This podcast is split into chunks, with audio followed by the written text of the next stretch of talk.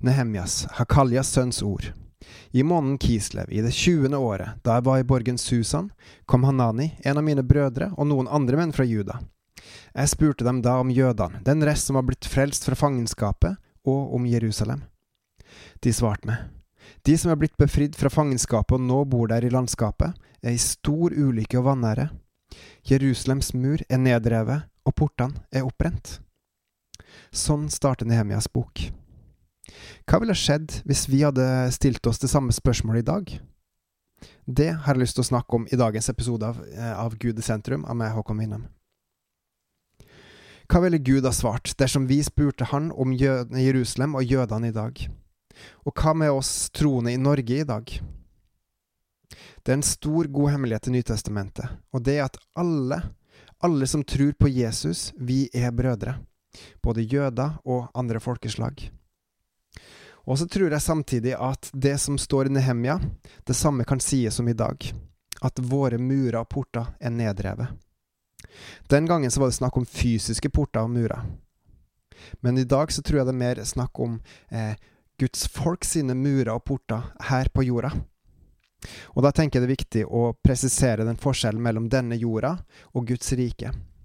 Fordi på de, denne jorda, den er midlertidig, den kommer til å vare så og så lenge, og vi lever her så og så lenge.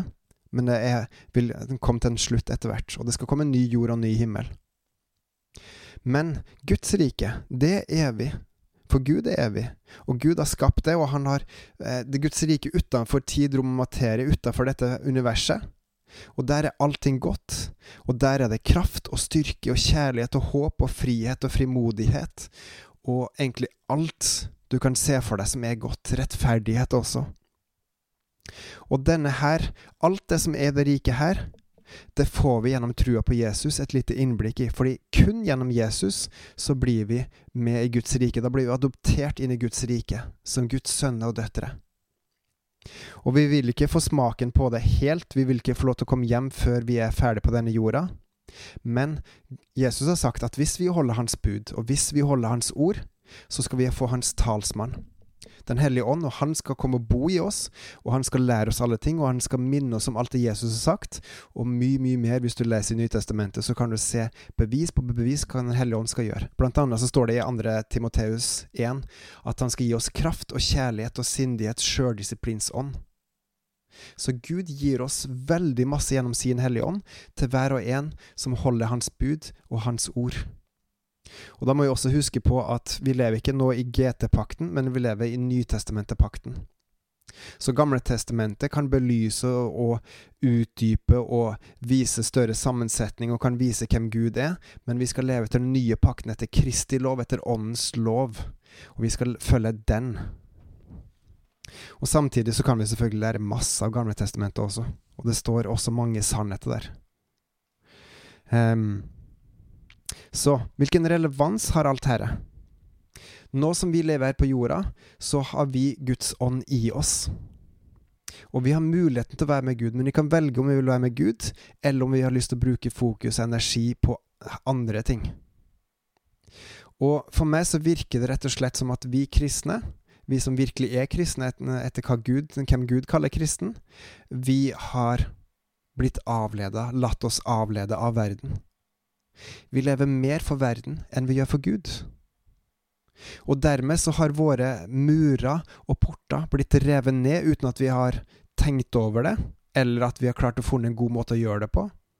Og så har det begynt å sneke seg inn personer som sier at de er kristne, og som sier at de tror på Gud, men som ikke tror på Han, eller som ikke følger Han, eller som ikke holder Hans ord eller bud.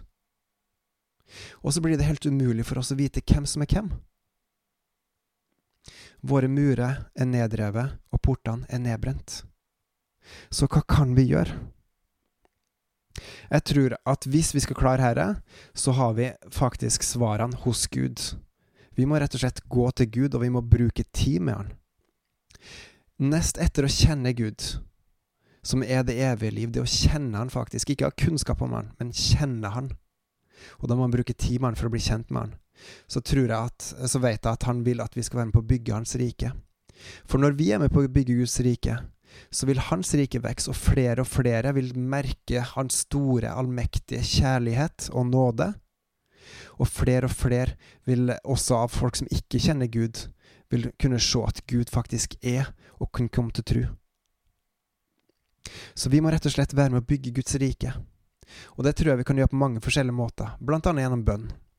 Og nå går det an å be om viktige ting, og det går an å be om feile ting, men jeg tror det aller viktigste i bønn, det er rett og slett å be om at Guds rike skal vokse.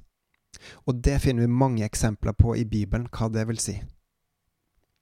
Videre så står det at Guds folk de skal kjennetegnes av at vi elsker hverandre. Og spør du meg, så virker det mer som at folk ellers som ikke tror, virker som at vi kristne er mest kjent for å krangle sammen og splittes. Og kanskje henger det med at murene og portene våre er nede, at hvem som helst kan kalle seg kristen uten å være det. Og dermed så blir det vanskelig å se at vi faktisk elsker hverandre. Og jeg tror faktisk kommer å løfte opp den biten her at vi skal elske hverandre. Vi skal ta oss av våre brødre. Vi er familie. Vi hører sammen. Alle som tror på Jesus, og dermed så må vi elske hverandre. I Guds rike først og fremst, men selvfølgelig også på jorda, men først og fremst i Guds rike. Og da tror jeg også det er veldig viktig at vi leser i Bibelen. At vi lærer oss å se hva Gud har sagt for noe. Og når vi leser den, så skal vi ikke lese den alene, men da skal vi invitere Den hellige ånd som bor i oss, til å forklare oss hva som står der. For det står det at han gjør. Han skal fortelle oss alle ting, og han skal minne oss på det Jesus har gjort og sagt. Og han skal vise oss det som står der. Han skal oppdra oss til full modenhet. Da skal vi ikke lenger være småbarnskristne, men vi skal bli fullmodne kristne ved at Den hellige ånd trener oss opp. Og videre så er det også noe med det å eh, lytte til Den hellige ånd. At vi lærer oss opp, at vi øver oss opp i å lytte til at Gud snakker til oss. For Gud snakker til oss på mange ulike måter, og han gjør det ulikt fra person til person. Det er ikke bare én måte Gud kan gjøre det på, han kan gjøre det på ganske så sykt mange forskjellige måter. Men vi må lytte. Og det kan vel kjennes som å spise sand når du bare er med Gud og bare lytter og lytter. Men allikevel, vi trenger å bruke tid med Gud og vise han at vi faktisk ønsker å være med han, vi ønsker å elske han. Og så vil det også være godt å være med han når vi er med han. Og videre så har vi også et ansvar for hverandre som familie. Hvis vi virkelig skal være en stor og sterk familie, så må vi beskytte hverandre og bygge hverandre og trøste og oppmuntre hverandre. Jo, men rett og slett være der for hverandre. Vi må sørge for at vi ikke lenger lar hverandre bare leve et liv som er etter dette jordiske, som vi, alt dette hva som vi lar oss fylle med, men at vi begynner med oss sjøl og eh, stille andre eh, Oppmuntre andre også til å gjøre det samme, med å søke Gud og være med Han, med å be for Hans rike, med å eh, elske hverandre. Og lese i Bibelen og lytte til Den hellige ånd, og hjelpe hverandre til å vokse i Guds rike.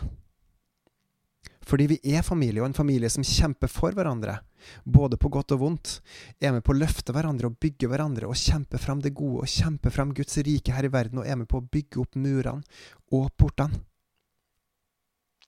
Så ber man fram Guds rike, elsker man fram våre, med, oss, våre brødre, og leser vi Bibelen, og gjerne hele Bibelen per år, i hvert fall Nytestamentet per år, og lyt, lærer oss å lytte til Den hellige ånd, og tar ansvar for hverandre med å bygge og støtte og oppmuntre hverandre til å vokse i Guds rike, så gjør vi Guds vilje. Da bygger vi opp murene igjen, og da bygger vi opp portene.